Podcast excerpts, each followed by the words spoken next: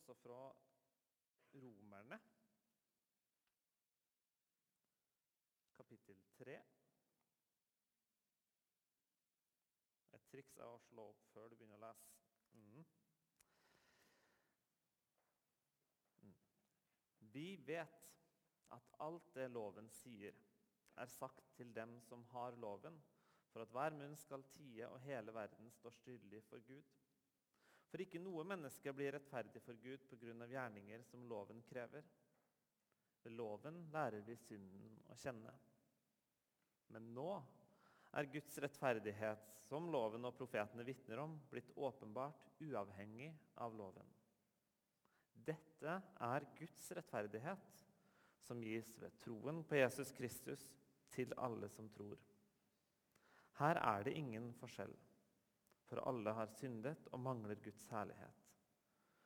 Men ufortjent og av Hans nåde blir de kjent rettferdige, frikjøpt i Jesus Kristus.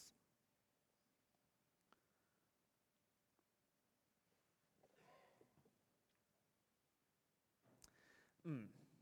Det er en tekst som eh, for mange er kjent, som for mange er bare en oppramsing av masse kristne ord.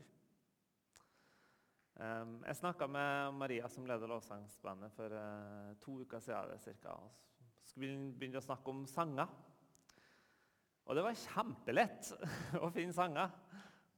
Takk jeg, i alle fall. Jeg vet ikke om de har strava veldig nå. Men uh, jeg synes det var lett å finne sanger. Og bare høre en sånn klang tilbake til bedehuset og gitaren oppå her og nasalen på plass. Og uh, uttale alle konsonanter som skal uttales sånn at det blir korset. Um, fordi at det her er liksom kjernen. Det er kjernen i evangeliet. Kjernen i vår tro. Og jeg tenker, og mange har kanskje, Noen har kanskje vokst opp med sånne barnesanger som sånn Har du billetten, hvor skal du reise? Jo, jeg skal reise til himmelen. Den typen sanger. Um, og på et kloster i Wittenberg for 500 eh, år siden så eh, var det en nevrotiker. Han var munk, han var katolikk. Han eh, hadde bestemt seg for å gi hele livet sitt til Gud. Um, og han slet veldig med det at han ikke klarte å bli bra nok. Han klarte ikke å oppfylle de her kravene som trua stilte. Han klarte ikke å leve etter standarden som Bibelen satte. Og i det her så måtte han kjempe og kjempe og kjempe. Og så er det historien kan stille spørsmål med på en måte hvor, hvor helt sann den er. Men uansett så vitner den litt om hva det var han her opplevde da han sto oppi der og begynte å lese Romerne. Og Han leste på en måte innledninga til det han skulle gjøre nå, og det ble en åpenbaring for ham. Han leste Romerne 1,17. For i det åpenbares Guds rettferdighet, av tro til tro. Slik det står skrevet, den rettferdige skal leve ved tro. Det her var jo, som mange vet, Martin Luther. Lutherdommens eh, grunnfester, den som har blitt eh, liksom, stjernen i all reformert og evangelisk kristendom. Mm. Men nå skal jeg jo da eh, snakke om det her kjernebudskapet i Bibelen. I kristen tro.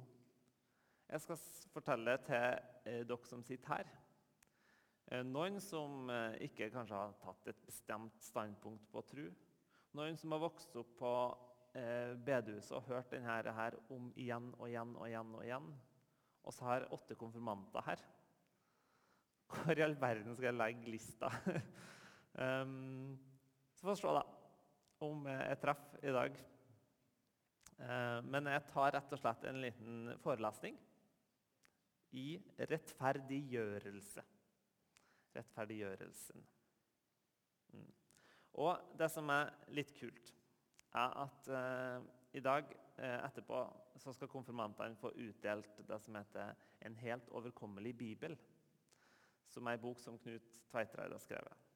Så tenkte jeg jeg skulle bla opp og se hva det var som sto på eh, dagen i dag, 20. oktober. Og der var temaet 'rettferdiggjørelsen'. Det syns jeg var litt kult. Kanskje en liten gudfeldighet. Men i alle fall, hvis det her eh, jeg sier, ikke er klart og tydelig, så vet jeg at Knut Tveitereid kan få fram sånt klart og tydelig. Og det tar bare ett minutt å lese. Det her kommer til å ta en halvtime. så ja. Jeg skal starte med å ta oss litt gjennom den vante tankegangen vi kanskje har når det gjelder hva kristendommen, hva frelse, hva rettferdiggjørelse, hva det å bli kristen handler om. Og Det er kanskje mange som kjenner igjen denne lignelsen. her. Den handler om at i begynnelsen så var menneske og Gud sammen. Og så kom synden inn i verden, og det skapte en kløft mellom menneske og Gud. Og det her leda til eh, dommen, og dommen er døden. Sånn som det har vært for alle mennesker. Alle mennesker har dødd. Og så kommer løsninga. Og løsninga er at Jesus legger ned livet sitt for oss. Han blir på en måte brua mellom det her gapet. Sånn at alle som tror, alle som tør å på en måte trø ut på denne brua som er over gapet, de får lov til å komme over til den andre sida, der Gud er, og Gud og mennesker kan eh, forenes igjen. Og Dette er ved Guds nåde. Det er ikke basert på hva vi gjør eller hva vi klarer å gjøre. Men det handler om om oss tro, om oss tørs å krysse det her. Og Da er eh, mønsteret at du skal bekjenne dine synder, sånn som vi har gjort tidligere i gudstjenesten, og så tro på Jesus. Og Så kommer vi over på andre sida, og da er det evig liv, himmelrike og hele den pakka der. Og oss får leve en, eh, sammen med Guds kjærlighet og Guds tilstedeværelse i en evig tid. Og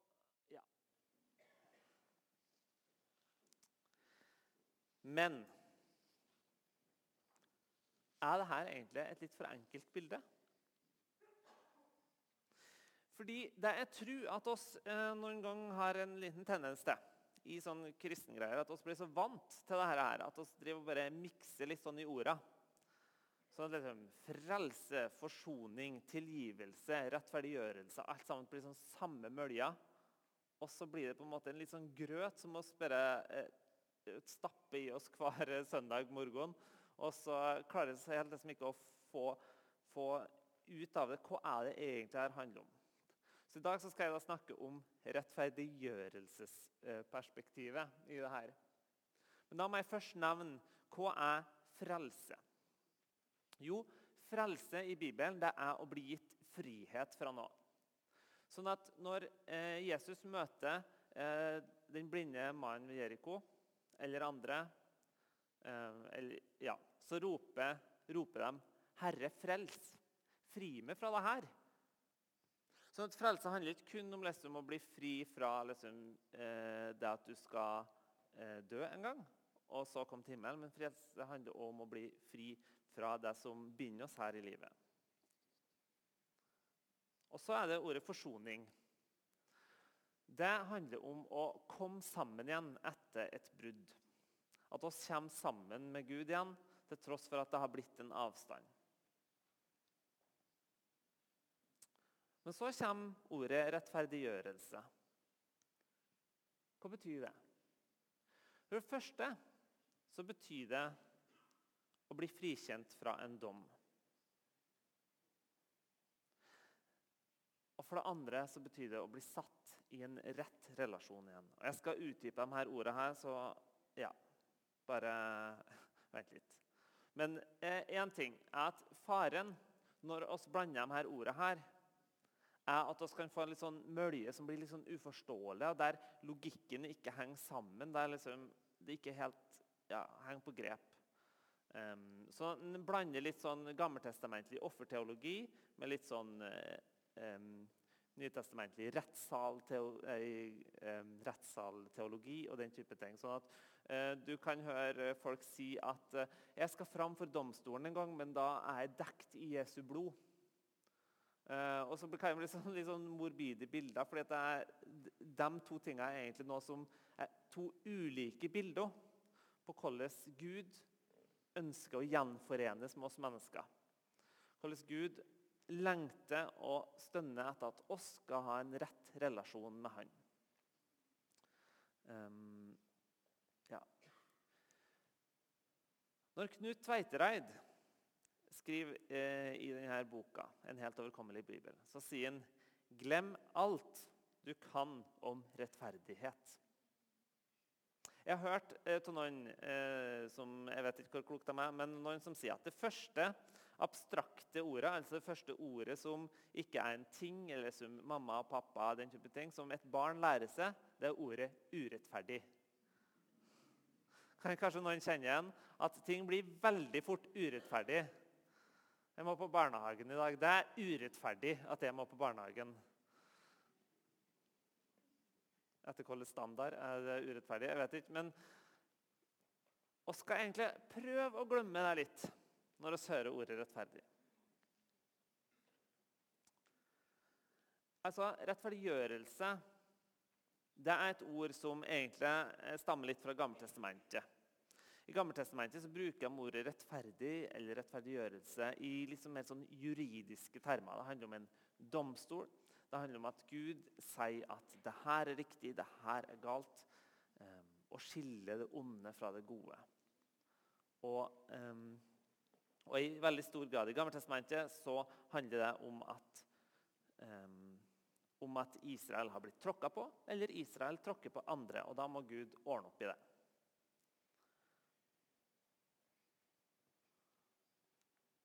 Rettferdighet i Bibelen. Det er for det første at noe blir satt i orden. Det er mye bedre å egentlig bruke det engelske ordet 'to put right'. Altså bli plassert der det skal være. Så når Gud skaper verden, så er den i utgangspunktet rettferdig. Ikke i den forstand at liksom alle kaniner har like mye mat eh, som kaninene på andre sida av jorda, at alle sammen har like mye ting. Men verden er etter Guds standard sånn som den skal være. Sånn som Gud ønsker det skal være. Og så er det andre er at rettferdig, at rettferdig handler om noe relasjonelt. Jeg vet ikke om Eh, det er noen av dere som har opplevd å være i en relasjon der det til stadighet er et eller annet som er uoppgjort. Det er bestandig denne gnagende eh, samvittigheten. Det er, tror jeg, noe oss alle vil oppleve etter hvert. Om det handler om relasjoner på jobben, der en hele tida egentlig føler at en ikke har gjort jobben sin, og relasjonen til sjefen blir dårligere.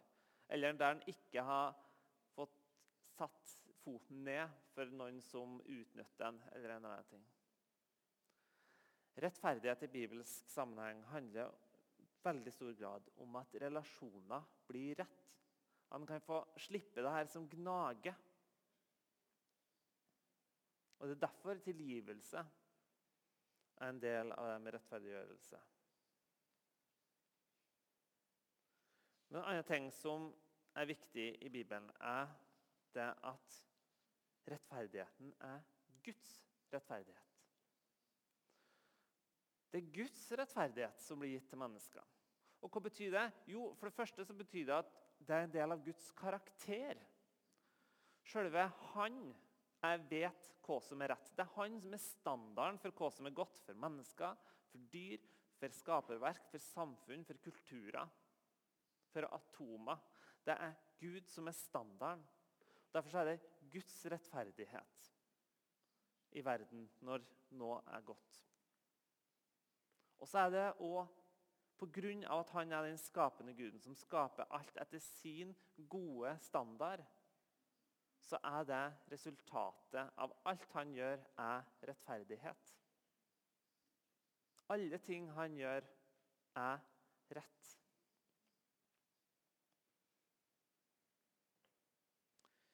I Gammeltestamentet dukker det opp mange ting som handler om rettferdighet. Og Der snakker han gjerne om mennesker som er rettferdige. Og Det er dem som er satt i en rett relasjon til Gud og en rett relasjon til dem rundt seg og til skaperverket.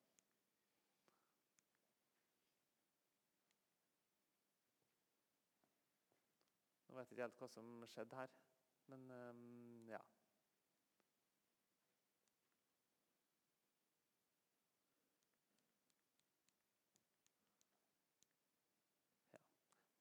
I Habakuk 2,4 så står det Se, i ham er det en oppblåst og uærlig sjel. Men den rettferdige skal leve ved sin troskap. Det var en rar ting å ta med. Den rettferdige skal leve ved troskap. Pga. at Bibelen er relasjonell, eller eh, rettferdighetsbegrepet er relasjonelt, så er begrepet troskap tatt med. Fordi troskap til Gud, en relasjon, relasjon til Gud, medfører rettferdighet. Og rettferdighet medfører relasjon til Gud.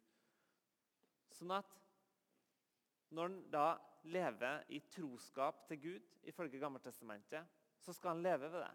Og Det er det som eh, israelsfolket er kalt til. Å leve i en relasjon til Gud. Og så var israelsfolket i eksil. De var hakka på av folka rundt. Og da ønsker også Gud å påkalle sin rettferdighet.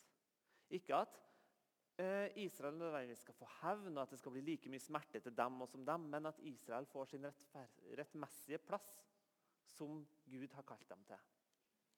Jeg lar min rettferdighet komme nær. Den er ikke langt borte. Min frelse kommer ikke for sent. Jeg gir frelse på Sion. Til Israel gir jeg min herlighet. Det står i Jesaja 46, 13, og er et rop til israelsfolket som er i slaveri i Babylon, om at snart så skal dere bli fri. Dere skal frigjøres fra slaveriet, og alt sammen skal bli rett igjen.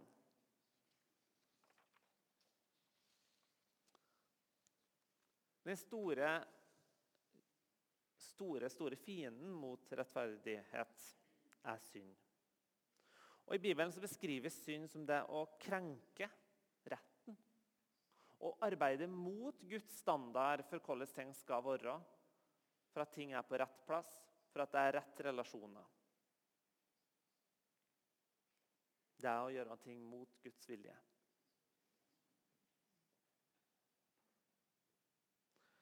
Og så kommer da romerteksten. Når Paulus snakker om, eh, snakker om det her, når han kommer til den teksten oss her, så har han hatt to kapittel der han har redegjort for en del ting. Introen den hørte oss lest i stad. Det var en liten tekst. Men for jeg skammer meg ikke over evangeliet. Det er en Guds kraft til frelse for hver den som tror, jøde først, så greker. For i det åpenbares Guds rettferdighet, av tro til tro, slik det står skrevet, den rettferdige skal leve ved tro. Og så kommer han med en utlegning av hedningene, altså oss sin urettferdighet. Hvordan oss ikke lever etter Guds standard. Med ganske harde ord. Men og eh, Paulus nevner opp mange enkelteksempler i Romerne 1. Jeg vil bare si at De tekstene kan ofte brukes til å peke på andre og ikke på seg sjøl, mens Paulus sin motivasjon er å si at oss alle kommer til kort i det å oppfylle Guds rettferdighet og leve sånn som vi skal. Og, eh, overfor Gud overfor andre mennesker. Rett relasjoner til Gud, mennesker og skaperverk. De brydde seg ikke om å kjenne Gud. Derfor overga Gud dem til sviktende dømmekraft, så de gjør ting som ikke sømmer seg. Det som skjer når en ikke lever etter Guds standard, er at ting går skeis. Og det er det romerne igjen handler om. Og Det handler om alle som ikke var jøder, altså hedningene. Hvordan det skjedde med dem. Og så er det israelsfolket sin urettferdighet. Og Den her skal jeg komme litt tilbake til etterpå, men jeg leser det kort. Du som er så stolt av loven, du vanærer Gud ved å bryte loven. Det står skrevet Guds navn blir spottet blant hedningene på grunn av dere. Så Paulus sin, sin eh, oppsummering blir at alle mennesker er med på å på en måte krenke retten. Alle mennesker er med på å ikke gjøre verden sånn som den var skapt til å være. Alle mennesker har falt utafor relasjonen med Gud og utafor gode relasjoner til seg sjøl og til andre. Hva er da løsninga? Jo, løsninga kommer i Jesus Kristus. Her er det ingen forskjell. For alle har syndet og mangler Guds herlighet. Men ufortjent, og av Hans nåde blir de kjent rettferdige, frikjøpt i Jesus, nei, i Kristus Jesus. Så må ta en liten gammeltestamentlig eh, runde for å, eh, ja, for å forstå det her enda litt bedre.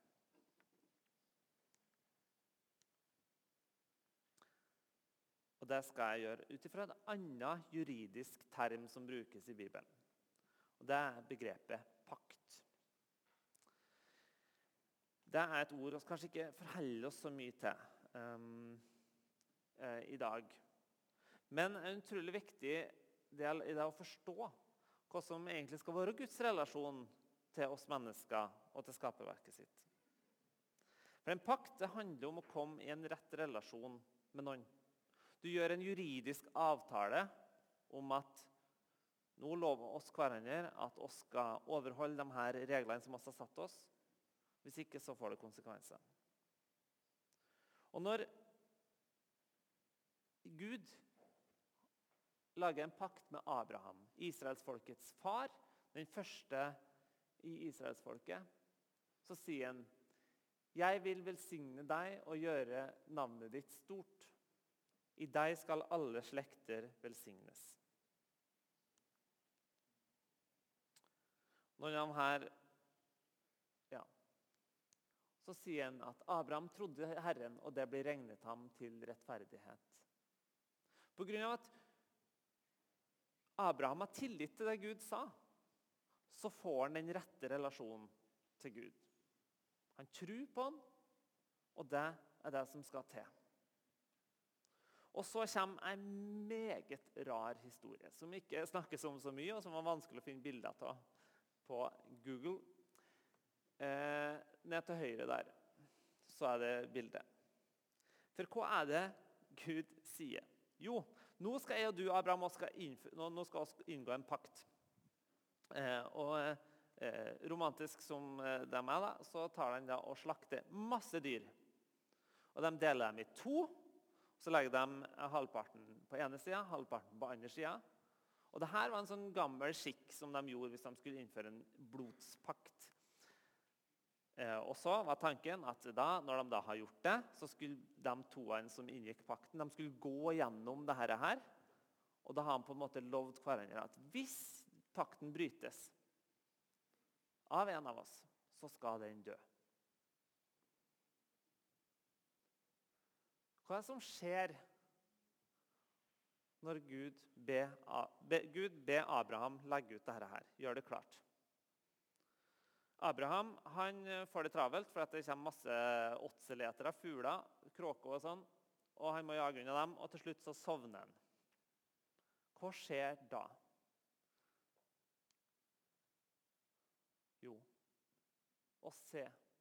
En rykende ovn kom til syne og en flammende fakkel for mellom kjøttstykkene. Den dagen sluttet Herren en pakt med Abraham. Gud sjøl går gjennom det her. Han går mellom kjøttstykkene. Og så er han jo flamma, så han fortærer alt sammen. Men hva er det han sier? Jo, at hvis denne pakten her brytes, så skal jeg dø. Så går ikke Abraham gjennom. Hvis pakten brytes og rettferdighet ikke skjer, at vi ikke lever i en rett relasjon med hverandre, så skal jeg dø. Og Dette var en tekst som ingen forsto før Jesus kom. Fordi de har fortsatt en forståelse av at ja, men hvis vi bryter pakten med Gud, så må jo oss dø. Pakten ga en forpliktelse til Abraham og hans folk om at de skulle velsignes hvis de velsigna andre folk. De har et oppdrag overfor hele verden. Og Det oppdraget ble ekstra synlig i pakt nummer to, som var Moses-pakten. Moses fikk loven. Det var et synlig uttrykk for Guds rettferdighet. Målet var at det skulle vise hvordan Gud mener verden skal være. Det var et pedagogisk virkemiddel for å si noe om hvordan er Gud Hvilken standard er det han setter? Og så var det et misjonalt perspektiv. At andre folk skulle se på israelsfolket skulle de tenke hm, de har et skikkelig bra opplegg der. Det vil vi være en del av. Og så skulle loven i seg sjøl gi retningslinjer som skulle hjelpe israelsfolket å ta vare på hverandre, naturen og menneskene rundt. Og ikke minst sin relasjon til Gud. Og Loven, sånn som den ofte refererer til i Nytestamentet, refereres til pakten. Avtalen mellom Gud og mennesker, ikke nødvendigvis de konkrete buda.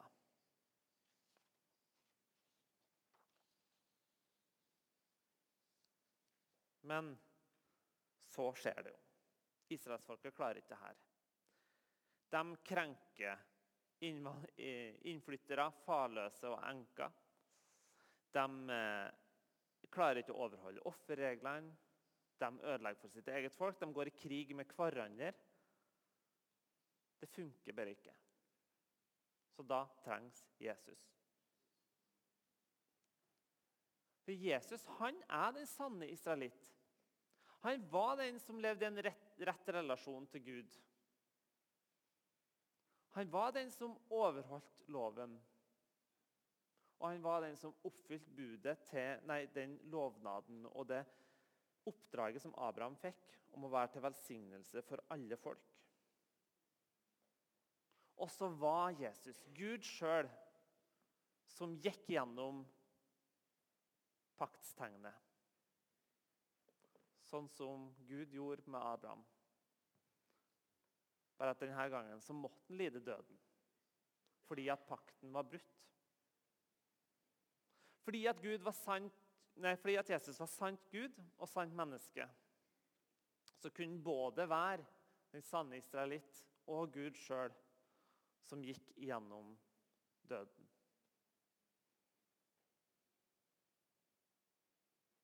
Og Det er derfor at Nytestamentet snakker om at det ikke bare handler om Jesus, at han er en sånn stedfortredende, men at et eller annet om at det er noe i Jesus. For israelittene handler det om å være i israelsfolket, i paktsfellesskapet. Og derfor så sier da Gud til Abraham I deg skal alle slekter velsignes. Så sier Paulus igjen men ufortjent og av Hans nåde blir de kjent, rettferdig, frikjøpt i Kristus Jesus.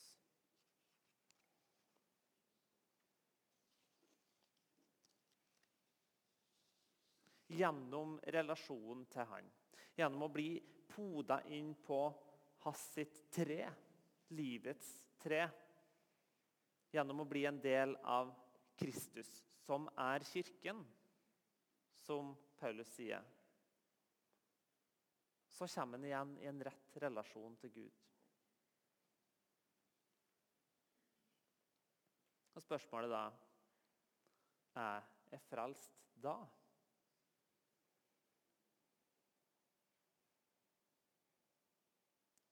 Nå skal jeg provosere litt, kanskje. Ja og nei. Fordi frelse handler om frigjørelse. Så er vi på den ene sida ja, frelst i den forstand at en dag fram der så skal vi være fri for alt som er smertefullt på jorda. Alt som er vondt. Men samtidig så må vi leve nå med en del ting som vi burde ha vært helt fri for. Om det er sykdom, om det er eh, vonde relasjoner, om det er at vi lider under andre menneskers undertrykkelse. Fordi rettferdiggjørelse det handler igjen om å bli frikjent fra en dom. At oss klarer ikke å leve livet sånn som Gud har kalt oss til. Oss klarer ikke å leve rett. Men Gud har sjøl gått i døden for den retten som oss ikke gjorde. Og dermed er vi frikjent fra dommen, som er døden. Men et litt glemt aspekt er at oss òg har blitt satt i en rett relasjon til Gud igjen. Nå. Ikke der fram, men nå er oss i rett relasjon med Gud. Det betyr at du ikke har noe uoppgjort med Gud hvis du har sagt at du ønsker å tro på Han. Det betyr at du har livets kilde som din primære relasjon, enten du vet det eller ikke. Det betyr at du har fått Guds velsignelse til å være en velsignelse for verden. Allerede.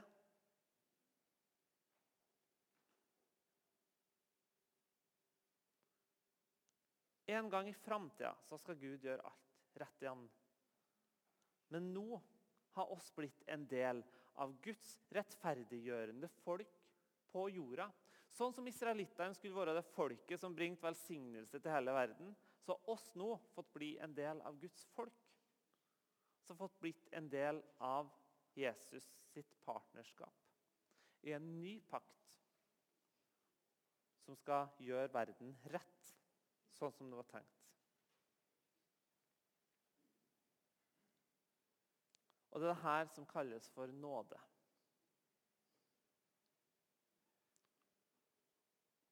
At oss får lov til det. At oss blir frikjent fra dommen. At oss blir satt i en rett relasjon til Gud. Var den gratis? Er nåden gratis? Mange bruker å si det, at gratis eh, kommer fra ordet 'gratia' på latin, som betyr gratis, og at nåde på latinsk er 'gratia', og dermed så er den gratis. Men nei, nåden er ikke gratis. Den koster alt. Den Den koster Gud livet. Men den er ufortjent. Oss kan ikke gjøre oss fortjent til den. Og jeg merka nå når jeg skal skrive, skulle skrive denne preken, her, så har jeg så utrolig lyst til å hente inn ideer og tanker fra teologer som jeg må si at ja, men det er litt fortjent òg. For det er et eller annet inni meg som har lyst til å gjøre meg fortjent til himmelen. Men vi kan ikke det. Jeg kan ikke gjøre meg fortjent til himmelen eller til en rett relasjon med Gud. Fordi det er ufortjent. Charis, som da er nåde på gresk, det er det Bibelen er skrevet på, betyr gave eller gunst. Og mens oss tenker på gave som noe du gir eh, til noen, og så er det beste om du ikke får noe tilbake, så var det ikke sånn i antikken. I antikken så ga du gaver til noen som var over i hierarkiet, i håp om å få noe tilbake. Og det var meget frekt å ikke gi noe tilbake. Så Hvis du ga en gave, så ga du en gave tilbake. Fordi at det var en måte å bygge en relasjon på. Sånn at når Gud gir oss gaven i nåden. Gaven i å ha en rett relasjon med seg. Gaven i det å være med Han, både nå og i framtida, så er det så er det noe vi skal respondere på. Må gi noe tilbake. For Paulus er den rette responsen å gi hele livet sitt. Og overgi alt til Gud. Han som allerede har satt oss i en rett relasjon med seg og vet hva som er best for oss.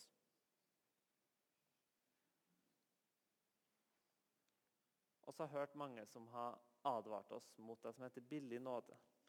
Og Den som kanskje er mest kjent, er Dietrich Bonhoeffer.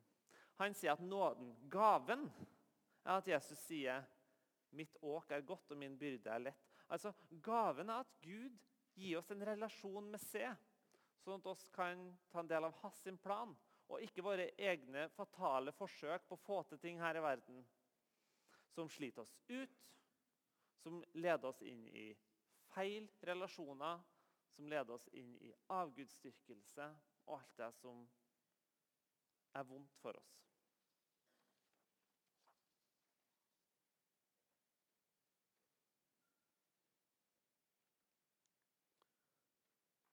Vi har fått en billett til himmelen. Men det betyr at oss nå har bare en sånn ventetid. Et par, par tiår der vi skal vente på å få dø og komme til himmelen og vise billetten og tjohei. Nei, det er mer en sånn Sånn som den der eh, medlemsappen til Coop. Det er mer sånn at vi har fått det medlemskapet som kommer til å vare hele livet ut. Og så får oss en del kuponger underveis som vi kan cashe inn når det passer. For vi har fått masse i denne appen. og Kanskje et dårlig bilde. Men vi har fått denne relasjonen til Gud, og så har vi installert det i oss. Som gjør at oss kan leve med Gud framover. Og Neste søndag så kommer Helge til å snakke en del om det her når han skal snakke om helliggjørelsen. Så avslutter jeg med å lese fra Romerne 6,22. Men nå er dere frigjort fra synden og er blitt tjenere for Gud. Og frukten er helliggjørelse, og det fører til evig liv. Syndens lønn er døden, men Guds nådegave er evig liv i Kristus Jesus vår Herre. Amen.